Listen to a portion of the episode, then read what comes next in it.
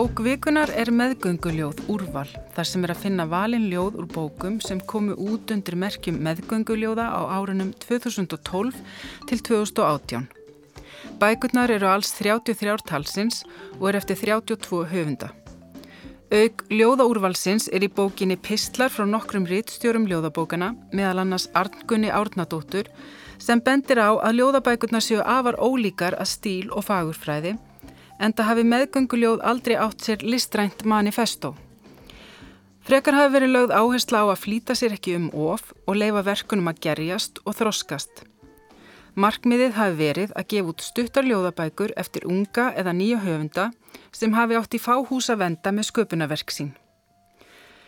Gestir þáttarins eru Luciano Dutra, útgifandi hjá Sagarana forlægi og Sigurlín Bjarni Gísladóttir Skáld. Velkomin. Takk. Takk. Eh, Sigurlín Bjarni, þú komst reyndar að vinslu einnar bókana í þessu úrvali. Já, það passar. Ég fekk að vera rittstjóri á bókinni Skíafar eftir Jónu Kristjánu Holmgeistóttur. Þannig að þú þekkir hana, en hversu vel þekkiru hinabækurnar í, í svona áður en þú fæst þetta í hendur? Já, ég man eftir að hafa séð fréttina um þessa nýju útgáfu í blöðunum á sínum tíma mm -hmm. og þá eins og er alltaf, maður veit aldrei, er þetta eitthvað sem kemur til með að vera lengið ekki mm -hmm. og það, þetta hefur svo sannlega sannað sig mm -hmm. og, og ég hef alveg fyllt með þessu en svo þegar ég fekk þetta úrval í hendurnar þá fekk ég alveg bara svolítið áfall ég sá það að ég hef látið allt og mikið fram hjá mig fara mm. og í rauninni það sem þessi nýja bók gerir, hún er alveg stórglæsileg og ósala flott flottur endapunktur en hún vekur eiginlega bara upp meiri þósta þannig að nú vil maður fara að skoða meira og komast í þessa bækur fleiri. lesa bækurnar í heiltíði og, og ég komst að ég á bara fjórar en hafði lesið líka ekkur aðrar já. á bókasafninu. Og það er það nóg eftir. Já, já. hvað segir þú Lúsiana, þú ert líka í svona græsrótarútgafu og þú hefur vantilega fylstaðins með þessari senu Jú, það við svo til að þegar ég flutti heim til Íslands árið 2013 þá var meðgönguljóð að byrja hérna, starf sína. Og má segja að uh, í tí var bara helsta innblástin sem ég fekk til að stopna Sagaranna forlag setna þá. Og hérna ég horfi, horfið bara þetta var frábært að þessi hérna, ung, ung skáld voru bara sjálfur í hérna útgáðu og þá fengur fleiri tækifæri þarna sem myndu kannski ekki fá mm -hmm. að mhm. gefa ljóð eftir sig út. Þannig að þetta var bara hreinlega innblástu fyrir þig? Já, ég, bara, ég hef sagt þetta bara alveg frá, frá byrjunni sko að ég myndi kannski ekki vera með sagarana ef ekki væri fyrir meðgönguljóð. Emmitt. Og uh, meðgönguljóð hafi líka staði fyrir viðburðum, hafið farið einhverju viðburði á þeirra vegum? Já, ég var að reyna að revja þetta upp. Ég, ég held ég að við tvísvar allavega farið uh, farið svona í útgáðu hóf mm -hmm. í mengi og það var mjög skemmtilegt. Og svo líka hafaðu verið með fleiri viðbyrði, fóru líka gáðu út eitthvað sem heitir meðgöngum mál sem voru svona smásögur. Mm. og ég fór einu svona svoleiðis viðbyrð þannig að viðbyrðinir skipti miklu máli í þessu samengi ja.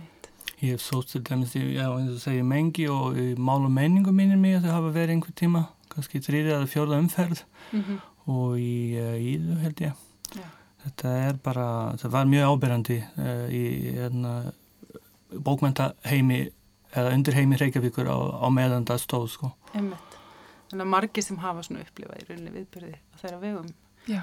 Emmett uh, Valgerður Þórótsdóttir og Kári Túlinius voru stopnendur meðgönguljóðaseríunar á samt Sveinbjörgu Bjarnadóttur Valgerður og Kári skrifuðu saman fyrstu bókin í floknum og hún heitir Þungir fossetar. Við fáum að heyra fyrsta ljóði í þeirri bóki uppleistri Valgerðar. Sál mín er pungur, nött átt skeppna, skurkur með rós í nappagatinu, rjóð af dansi, rasandi ofan í kulnandi alheiminn. Í slefgripum öfundar smölumst við í hásætið, vælandi eftir mjölk, að meðan geðjurnar þræða strengi millir bráðnandi næturstjarnar. Í sveitti hlutkerti riðlast smákongar, kaldir að morgni með lúkurnar berar. Þingheimurinn snýst í kringum Venus.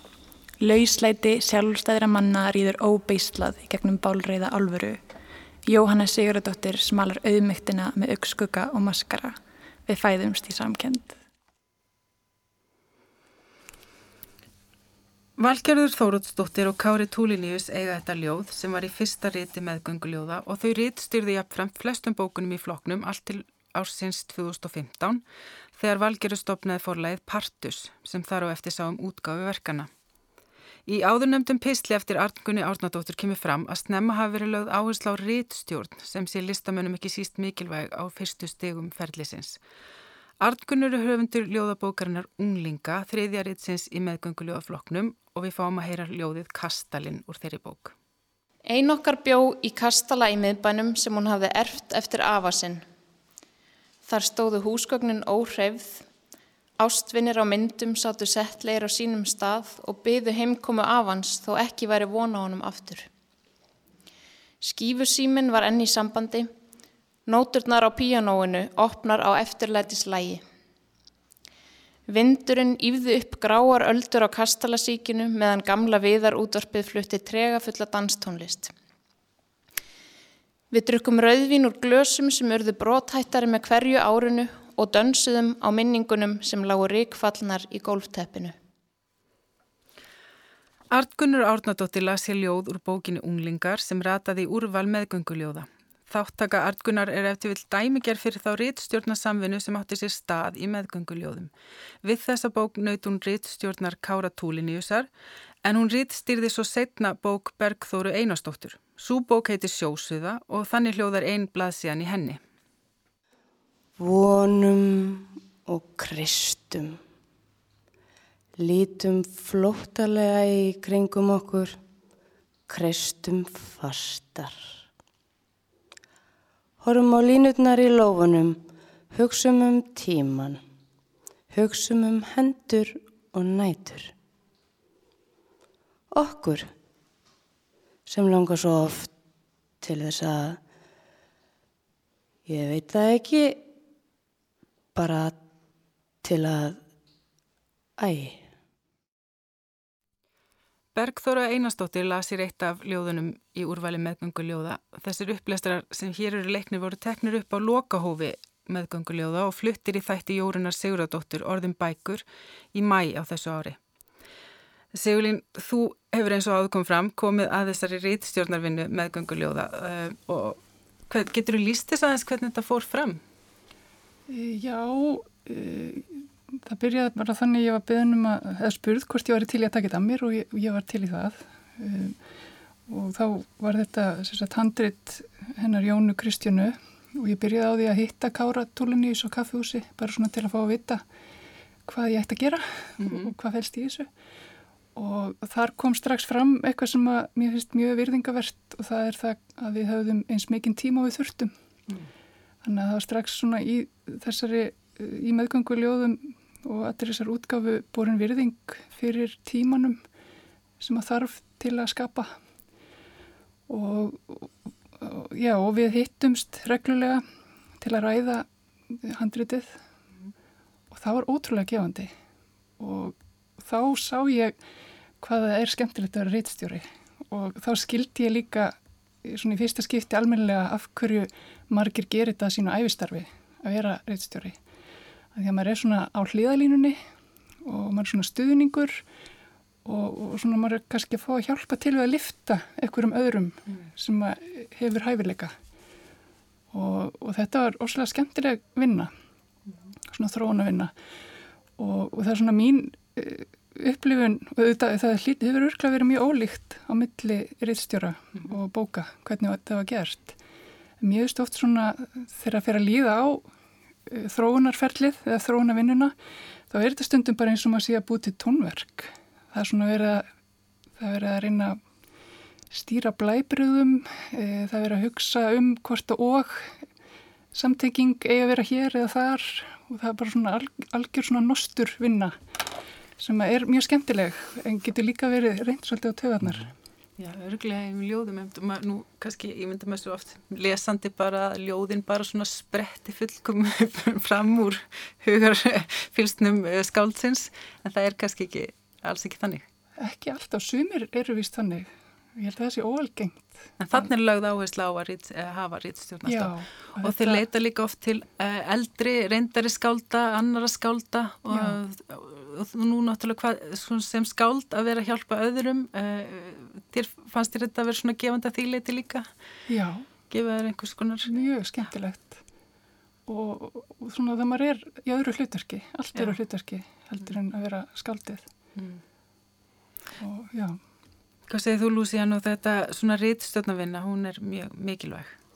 Já, hún er uh, mjög mikilvægt og hérna, mér, ég held að önnur hérna, líking sem maður getur notað til að lýsa, þú talaði um hérna tónverk en ég, mér hugsa til svona fótbolta, þú veist, með, þú er ekki hægt að skapa góða, góða heils, eh, hérna, liðsheils án þjálfara Mm -hmm. Svo útgefandi er svolítið sjálfveri sem hjálpar leikmenn, leikmenn að ná uh, betur tök á hæfileika sína og koma fram á sem besta formi. Mm -hmm. getur við orðið tæni. Þjálfu upp það besta í hverjum leikmanni eða? Já, nákvæmlega og, og uh, já, þetta er uh, frábært samstarf.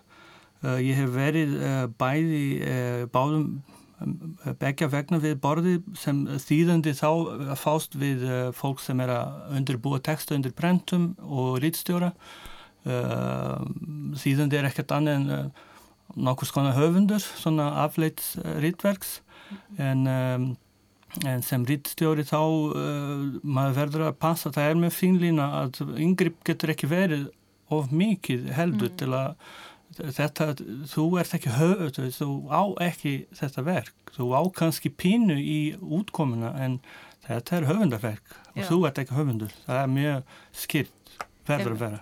Og svo er einmitt alveg saman hversu miklu vinnu þú leggur í er það náttúrulega þegar uppi staðið verk einhvers annars. Nákvæmlega. Já, og maður mað stjórnar engu, maður bara kemur tilugur og pælingar, kannski. Og það, og það er í rauninu bara hlutverkið. Já. Uh, tók þetta langan tíma í þínu tilviki? Þú sagði þegar það fengist mikið tíma og þið vilduð? Ég maður það ekki.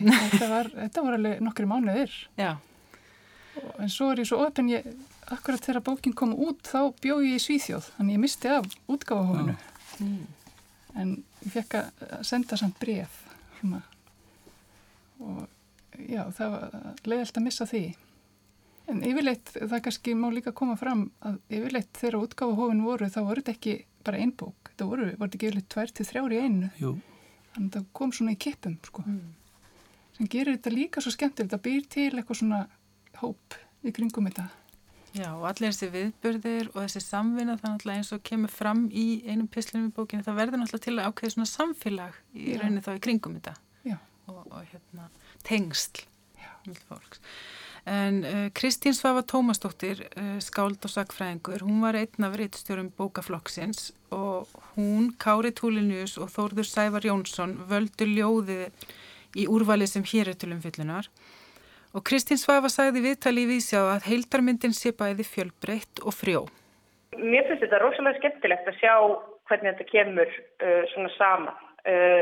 Við reyndum að velja, það var auðvitað þegar við vorum að velja í úr hverju bók, það gætu auðvitað stundum orðið svolítið flókið, við reyndum svona að fara einhvern milli vegmilli svona að taka bæði það sem okkur fannst bara best og, og hérna og svona við vildum helst hampa en reyna líka einhvern veginn að sína svona e, bæði kannski hvað við komandi bók gekk út á en líka þá eru marga bækurnar bóðar síu ekkert mjög langar, þá eru þær samt e, fjölbreyttar Kristín Svafa sagði hér frá því hvernig vali var úr 33 bókum með gönguljóðaseríunar. Eins og kom þarna fram voru aðeins fjóra blaðsjur valdar úr hverju bók. Þetta eru auðvitað marga bækur svo það þarf að takmarka plássið fyrir hvern og einn en þetta fyrir að við fáum aðeins líti brot af heildinni á hverjum og einum. Hvernig fannst ykkur takast til við valið? Mér finnst þetta að gefa mjög gott sínusórn og það er sérstaklega skemmtilegt líka að sjá hérna aftast hvernig þau Kristín Svafa og, og Þórður Sævar komið með svona stutta umsögn um hverja bók og, og stundum talaðu um eitthvað vandar sem þau stóðu fram með fyrir í valinu. Já, hvernig þau völdu. Já. Já, uh, mér finnist uh, úrvali endur spekla þess að fjölbreytileika sem er í, í, í ljóðaseirjunni mm -hmm. í heild. Um, og svo verður maður að segja að þetta bók er bara tvílíku hérna brendgripur uh, og, og sem gerir bara góð skil á, á þetta ferli sem uh, fór svona upp á ymsu, mismunandi aðferð við að hérna, binda bækunar og svona. En þetta kemur út á bara mjög vel með þessa hérna, þessa endapunkt. Já, kemur svona fallið bók Já. í Emmett. og ég baði ykkur um að velja eitt af þessum ljóðum uh, til að, að hérna, lesa fyrir þættinum og kannski við byrjum á þér Lúsíán og hvaða ljóð valdur nú af öllum þessum ljóðum og hvers vegna? Ég slasaðist að velja ljóð sem er ekki í bókinni og í því fælst engin gaggrinni á, hérna, á, valið. á valið þetta var bara svona tilfallandi uh, mér er mjög kær um bók hennar Ástu Fanneja herra Hjúkett sem ég var alveg heltekinn af þegar ég hérna las og þýtti bara bókina í, hérna, um leið og ég las hana. Svo ef mér leifist ég ætla að lesa um, ljóði frum, í frummálinu og svo í þýðingu portugalsku ef það er í læg uh, ljóði heitir Kvitra kutta móðir. Og svo stendi ég á stundaglasi. Háu glæru skinnandi hreinu í jælja þungri sæþokku. Byrtast skaltu mér böðlarós, fytla upp minnar óskir, standa yfir mér skálar laus, á meðan droppin hólar ennið. Byttu fyrir mér beinkvitri, vofu likri, áru lausri. Snæða skaltu tungu mína, kutamóðir kvitra. Og portugalsku heitir ljóði Mãe dos Alvos Punhais. E então fico em pé sobre a ampulheta, alta, clara, brilhante, límpida, na névoa marinha pesada de granizo. Revela-te para mim, ó rosa do carrasco. Realiza os meus desejos. Pisa em mim sem cerimônia, enquanto a gota a testa fura. Reza por mim, alva de ossos, que pareço uma aparição desaurada. Deglute a minha língua, ó mãe dos alvos punhais.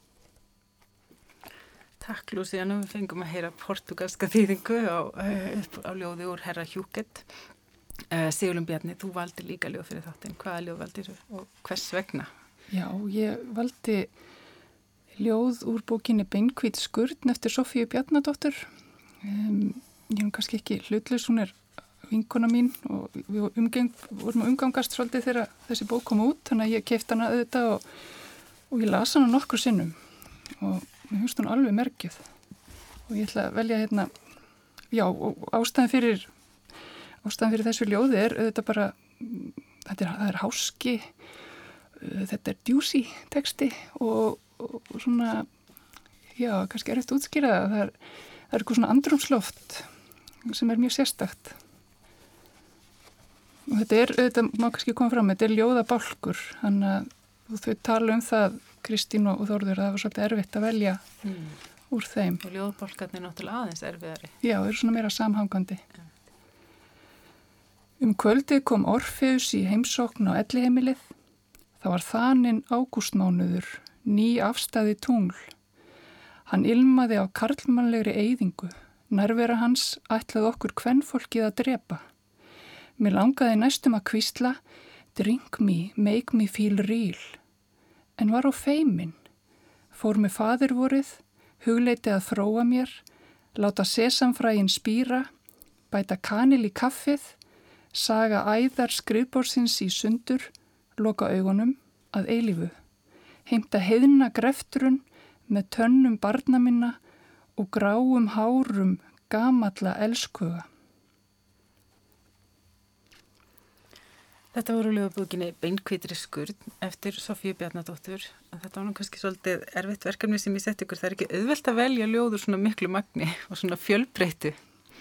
Eh, það er uh, vandi þegar á að gera sínisbók eins og þessa en það er líka svolítið vandi fyrir okkur í útastætti því að við getum aldrei minnst nema á brot af heildinni af öllum þessum ljóðum Um, en sjálf þá valdi ég líka ljóð, ég valdi ljóð eftir Björk Þorgrímsdóttur úr bókinni Neindarkend og það var nú reynilega því mér fannst svo flott flæði í ljóðinu, sérstaklega þegar hún lesa upp. Hann bærist, hann deilir, hann nýtir tungur, hann slefar, hann bleki skiptir, hann engu, hann endurtekur.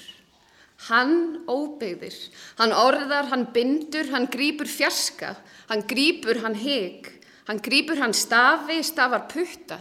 Hann grýpur, hann egnir.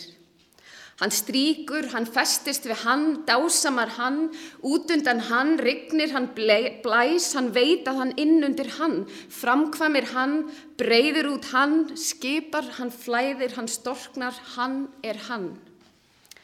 Ringir í hann, stendur hann heima, hann andri með hann, yfirskín hann, loðir við hann, loftið bríst. Hann fram, hann ískrar, hann eblist, hann uppbygsar útkomur, hann ákveður einhljóða, hann klæðir sig öreindum. Hann meitlar, hann skeitir, hann saman, hann upprætir komur, hann kapnar í ljósi. Hann áræðir, opnar, hann æsir, hann dregur, hann ærist, færist. Hann kann, hann kvistlar. Hann mjagast, hann þrútnar, hann þræðir, hann aftrar, hann veður, hann sortnar, söðar. Hann svífur, hann kæfir, hann hverfur, hann er.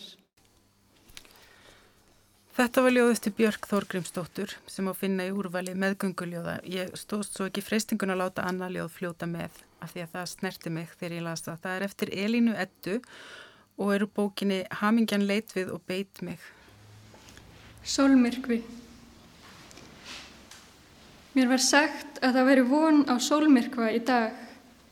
Sólmyrkva sem liti út eins og samþjöppuð hamingja, svo skínandi, skínandi björnt fyrir óreind augu. Mér var sagt að líta ekki upp, þriðjungur fær varanlegan aukskaða. Hamingjan leitt við á heimninum í dag en ég leitt ekki upp. Ég stóð fast í fæturna og dró fyrir, en hamingjan náði að narta í aukbotnin gegnum rifuna á glukatjöldunum. Hamingen leitt við á himninum í dag, hamingen leitt við og beit mig í dag. Þetta var Elin Edda sem flutti hér uh, ljóð og við hefum fengið að heyra núna nokkur ólík ljóð úr þessu úrvali meðgönguljóða og Luciano og Sigurlum Bjarni. Það er nánast vonlust að ætla að lýsa einhverjum heildar enginum á þessum ljóðum ekki satt. Já, þetta er ótrúlega fjölbreytt. Það er verið að toga og tegja tungumálið alveg bara út á ístu nöf mm. og já, þetta er svo fjölbreytt. Það er eiginlega erfitt að alltaf koma orðum yfir það. Já, ég held að fjölbreytileiki segir mitt hérna, svona enkennisorð eh, meðganguljóða, svona helsta enkennisorði og það er svo mikilvægt á þessum tímum þar sem stjórnmálamenn eru eh, að eh, gera svona orðræðu svolítið ómerka og bara tegja haugdökin að náttúrulega ljóðin, ljóðaformi hendar mikið að, svona, að fólk komi einhvert á, í, á framfæri bara strax og bregst við bara strax. Mm. Öðru en ólíkt þá bara hinn að bókmyndaformer sem taka meira tíma til að koma láta í ljós einhverja, einhverja skoðanir eða einhverja viðbröð og uh, það er algjörð sprenging í ljóðagerð uh, og það getur ekki verið tilvíljum uh, mm. á þessum tímum sem við gengum í gegnum og allstaðar í Skandinavíu, ég get sagt í Brasil líka í Portugal þannig að það er bara Uh, mjög gott að, að, að þessi ung uh, skáld eða ný skáld það er ekki öll hana, ung sem gáf út hjá meðganguljóðu að það hafa fengið að spreita sig og mm. koma mismunan, eða koma sér að kjartna málsins að kjartna tungumálsins má maður segja. Og endur heimtum þá tungumáli og orðræðum að því leiti og það er eiginlega einmitt svolítið merkilegt hvað þau eru eiginlega öll áhugaverð fyrst mér ljóðin sem rýsar í bók. Það er hérna, allt svona svolítið grýpandi og hérna, þannig að sínum mannum bara hvað það er mikið í rauninni að gerast. En uh, svona þegar ég var spáðið að fast með gildi bókarinn er líka vera uh, kannski fyrst og fremst að gefa þessa yfir sín yfir græsrótarútgafu ákveðins hóps á ákveðnum tímabili og líka insýn í hugssjónirnar og sköpunarkleðina sem liggur að baki og vinnuna sem þetta kostaði og sjá svo útkomuna svona, e, svona brota af hverju bók. Þetta er næstu eins og svona sagfræli heimildum einhvern svona eitt þátt í menningarsögu ákveðinu tímabili. Já, það er nefnilega, ég held að það er mjög algengt með svona fyrirbæri að það renn út í sandin og hverfi og svo eftir kannski 50 ár þá ranga ykkur er bókmyndafræðinga vissir og fara að fjalla um það. Mm -hmm. En þetta er svo glæsilegur endanótur mm -hmm. og já, ofsalega flott og þetta er svo vel gert allt saman. Man fær góða mynd af heldinni og skemmtilegt líka aftast þar eru myndir af öllum kápu, mm. kápunum því að þær voru líka með oft myndverkum Já. og svo líka myndir af höfundunum og ég var svolítið svona fretta fram og tilbaka til að hafa andlitið einhvern veginn á höfundinum þegar ég var að lesa ljóðin. Einhvern veginn virðist maður þurfa því að halda. Og já, og svolítið og gaman að líka sjá þar sem að Kári og Valgjörður er að lýsa ferlinu. Einmitt. og ég er grátlegt að svona fekk stingi hjarta þegar þú voru að lýsa þau fengu enga styrki. Já, já. þetta er bara alveg með ólíkinn Einmitt það er náttúrulega, uh, einmitt, það kemur náttúrulega fram í Písli Valger og Kára hversu mikil vinna þessu útgáfa hefur verið, þau fengu aldrei en styrkja mitt og gerði þetta mest sjálf til að halda kostnænu niður, þau vildu hafa verðið ekki of hátt. Og þetta var náttúrulega mjög tímafrekt og þau náttúrulega viðkennið þetta hafi verið líjandi og hérna, en þetta kannast þú kannski við, Luciano, sem útgefandi það er þetta með þess að stanslösu baróttu Já, sérstaklega svona uh, ljóðabækur uh, að gefa út ljóðabækur uh, á Vesturlandi, ég veit ekki hvernig er í öllum heimi, en allavega á Vesturlandi það virðist vera þannig að þetta er bara til mýðu bara hugsanar starfi og um, og oftast nær eru skáldin sjálf sem standa fyrir að hluta allavega kostnaði að fá greitt í hérna, eintökum mm. og um, um, en já, það er svo að þetta svo lýsir þetta eru þessar myndir og þessar yfirlitt myndir káp, kápunar er og þarna þetta er eins og þetta hafi við stað að það hafi frá upphafi staðið uh, til að uh, gefa út þessar bækur á tilteknum tíma og svo klára þetta með glæsibræð og, mm. og þetta er gert með þessari bók. Já og svona útgafa gengur náttúrulega ekki nema að komi margir að verkefninu og, og séu örlátir líka á tíma sinn og vinnu og þau orðaða þannig valgjörður og kára þau hafa þurft að byggja aðra endalust um greiða. Uh, en það hafi orðið til þess að þau enduð með rætur í einhvers konar listasamfélagi og einhvers konar samingi þannig að það er náttúrulega það verkum að það koma svo margir að það myndast einhver uh, stemming í kringum Já. það líka. Ég mitt var aldrei vittna því en ég heyriði svo fallega að tala um þetta þegar hópur kom saman til að sauma.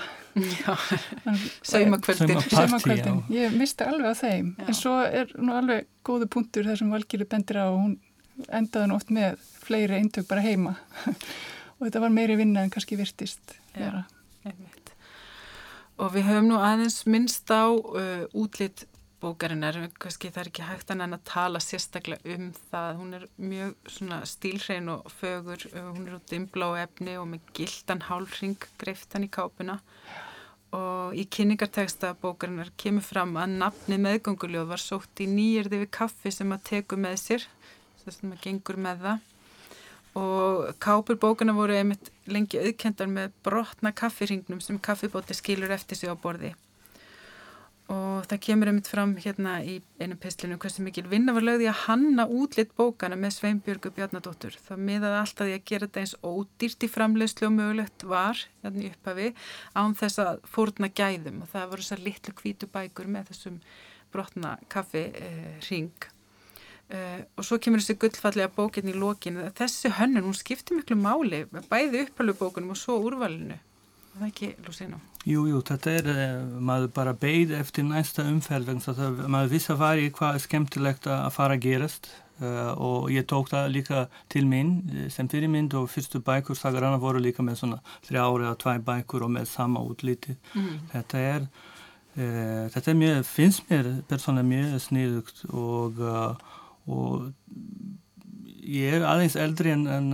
völu og, og kára og mér finnst bara svona aðdánarverð að þau voru bara tegar að hugsa eins og bara útgefundur sem eru með miklu, miklu meira reynslu en þau voru á sínum tíma mm -hmm. að, að, að þessi jafnvægi milli uh, kostnað og gæði að á ekki auðvitað lámarka kostnaðin þar sem hægt er en ekki á kostnaði gæði uh, í uh, bókarinnar mm -hmm. og um, Já, en þetta lendir í svona lítlum forlögum, þetta lendir oftast nær á, á, á útgefendum að ganga frá bókunum. Annars verður þetta bara ekki hægt. Það myndi kosta miklu meira heldur en, en, en kannski lesendur nenna að greiða fyrir, fyrir ljóðabók.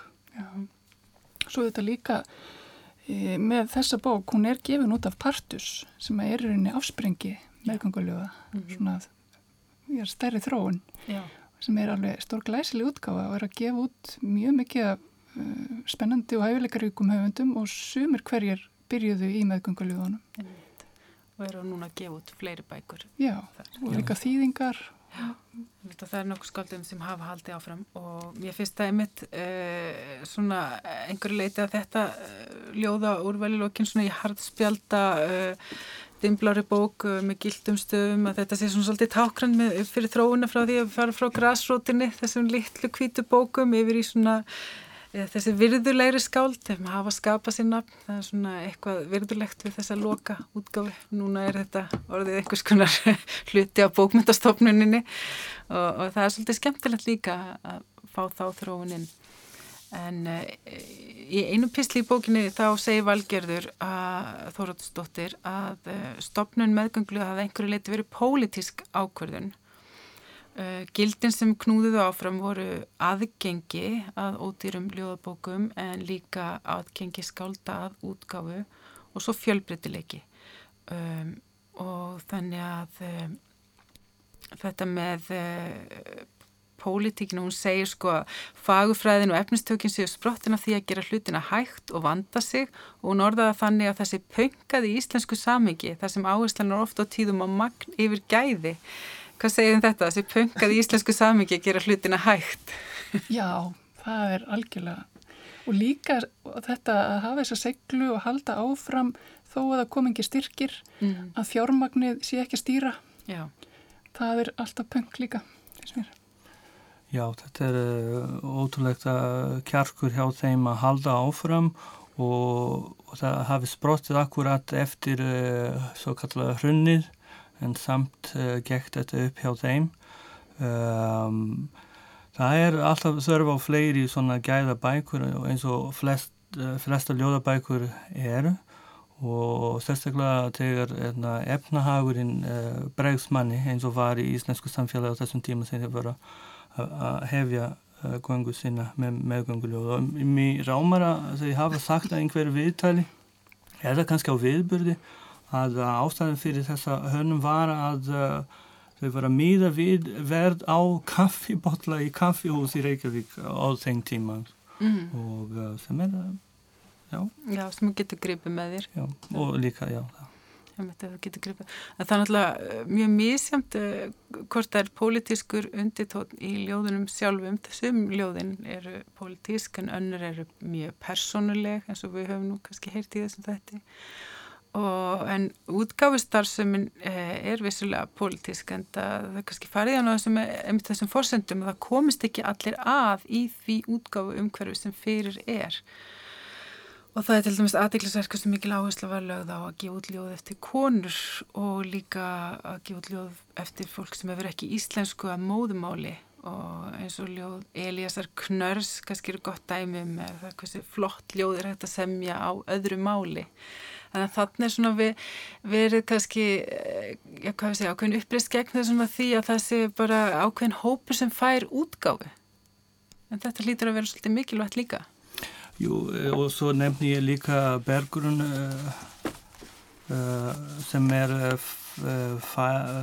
ekki kannski fæt en upphælið í Nýja Sjálandi og, og fekk líka að byrta ljóðsinn sem sem sagt íslenska var, hún var kannski að endurheita íslenskunni þegar hún flyttur hingað. Og, og ljóðagerðin hafa ábyggulega hjálpað henni að því. Og ég get votta það sem þýðandi að þýða ljóð úr, úr íslensku og öðrum málum hjálpa mér mjög mikið í að læra þessi tungumál. Um, og það er engin tilvílun að flest ljóð sem, kannski öll ljóð sem við höfum lesið hér upp eru eftir, eftir uh, hvern skáld mm. og þetta kannski endur spegla uh, kynja, svona jákvæða kynjahalla í, í bókinni. Ég var einmitt að, taka til þessar tölur. Það eru 21 kona og 10 karlar sem gefa út til þeim. Mm. Já. Ég mitt hafði ekki átt að með á þessu fyrir en ég sá þetta þarna, eins og mún efnir. Já. Og mér finnst þetta skemmtilegt að sjá og ég hafði ekki heldur átt að með á hvað nýhil var í rauninni með karlæga útgafu Ég gaf sjálf út mína fyrstu bók hjá Negri 2007 og ég var fyrsta konan og var mjög stolt. En þá voru margir kallar og undan mér. Og, við, og það ég held að sé allavega tvær og eftir mér en svo rann þá út í sandin. En þetta er mjög mikilvægt. Og þetta eru nýja rattir og þetta eru, já, bæði konur og kallar og ég hef svolítið verið að hugsa um hvað langar mig að lesa af því sem ég er búin að vera að skoða. Það er endur eru Ég hef lesið nú þegar mjög marga af kvennriðtöðundunum en mjög langar að skoða betur e, eins og Berg Ebba og Þorvald e, og líka hann Ingolf það er svona e, ljóðin þeirra kölluðu svolítið á mig mm -hmm. Og ég hef því miður ekki lesið bækunar en þarna bara vakna þorstinn Já, þegar þú ert búin að lesa það sem þú sást í þessu úrvali. Maður fær bara svona sínisvörð í þessu úrvali. Og þá svona fyrir maður að sapna í sarpin eitthvað svona að til að sjá betur. Fannst þú einhverjum slíka tilfinningu nú síðan og var svona skátt sem að þú varst að sjá í fyrsta sinn eða? Um, um, sem síðandi þekkti ég og var líka að læra íslensku eh, sem annan máli í háskóla og maður læri það mikið um uh, gamal grófin og rótgrófin skáld. En þarna var bara ný kynnslóð að vakna til lífs og, og koma sér á framfæri. Og uh, þetta þó að meðgönguljóð sé hægt það er bara engin hægt á því að engin skortur á, á, á, á flottum ljóðum e, og akkurat á meðan við erum hér að ræðum ljóð þá eru hérna svíkaskáld að gefa út þrýðja bók þínu mm. og, og það er uh, uh, sumar sem er í hópnum hafa gefið út hjá, hjá uh, eða hvað hjá meðgönguljóð. Eða allavega Fríða Ísberg er, er gaf út sína fyrsta ljóðabók hjá Partusi þá. Þannig að maður verður maður er spenntur að fylgjast með hvað gerist næst Hva, hvaða hópar taka við af eh, meðgönguljóð. Já. Já, ég held að það er alltaf græsrótt og hún er rosalega spennandi mm -hmm. og það er mjög öðvelt fyrir okkur miðaldra fólki að missa bara af henni en ég held að það sé rosalega mikilagt að fylgjast með og þarna er svo mikil ferskleiki og ég svona gerði bara óformlega könnun og ég komst að því að það er eitthvað í gangi sem heitir endanútar útgáfa sem er til að styrkja og svona styðja fólk með fyrstu bók. Og skandali menningaritt er nýtt og kalljópa er líka nýtt fyrirbæri og unna útgáfuhús. Mm. þannig að það er rosaleg gerjun og þróun og örgulega margt sem ég er ekki að nefna að Þannig að bæði þeir sem hafa, eru með nokkur ljóð í skúfunni og hafa áhuga á að hérna, komast í einhvern hóp og líka þeir sem hafa áhuga að fylgjast bara með það er alls konar í gangi þarna úti. Já, já, ég, það er ekkit ekkit óeðlilegt við það að þarna, skáldum fyrst gaman að hittast og spjalla saman bara eins og dúkalagningamenn elska að hitta aðra dúkalagningamenn það er bara, þetta er svona í öllum geirum. Þú komum með fókbaltalýsingar og dúkalagningar já, já, bara alls konar já. í öllu sem að fólk sér hafa sig í og hefur áhuga á og tæknin uh, standa með, með uh, höfundum og, og skáldum. Það er miklu auðveldara að, að setja upp og, og, og gefa, gefa út bækur.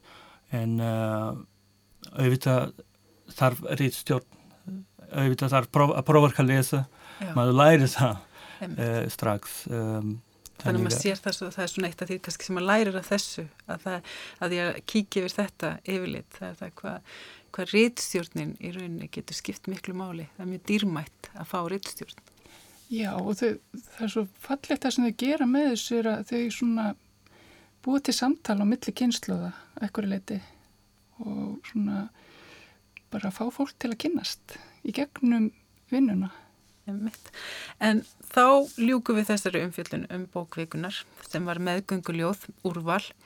Gestir voru Luciano Dutra og Sigurlín Bjarni Gísladóttir. En ég ætla að leifa Kristínu Söfu Tómasdóttur að eiga loka orðin í þessari umfjöldun um endanútin sem bundin hefur verið á þessa græsrótar útgáfu.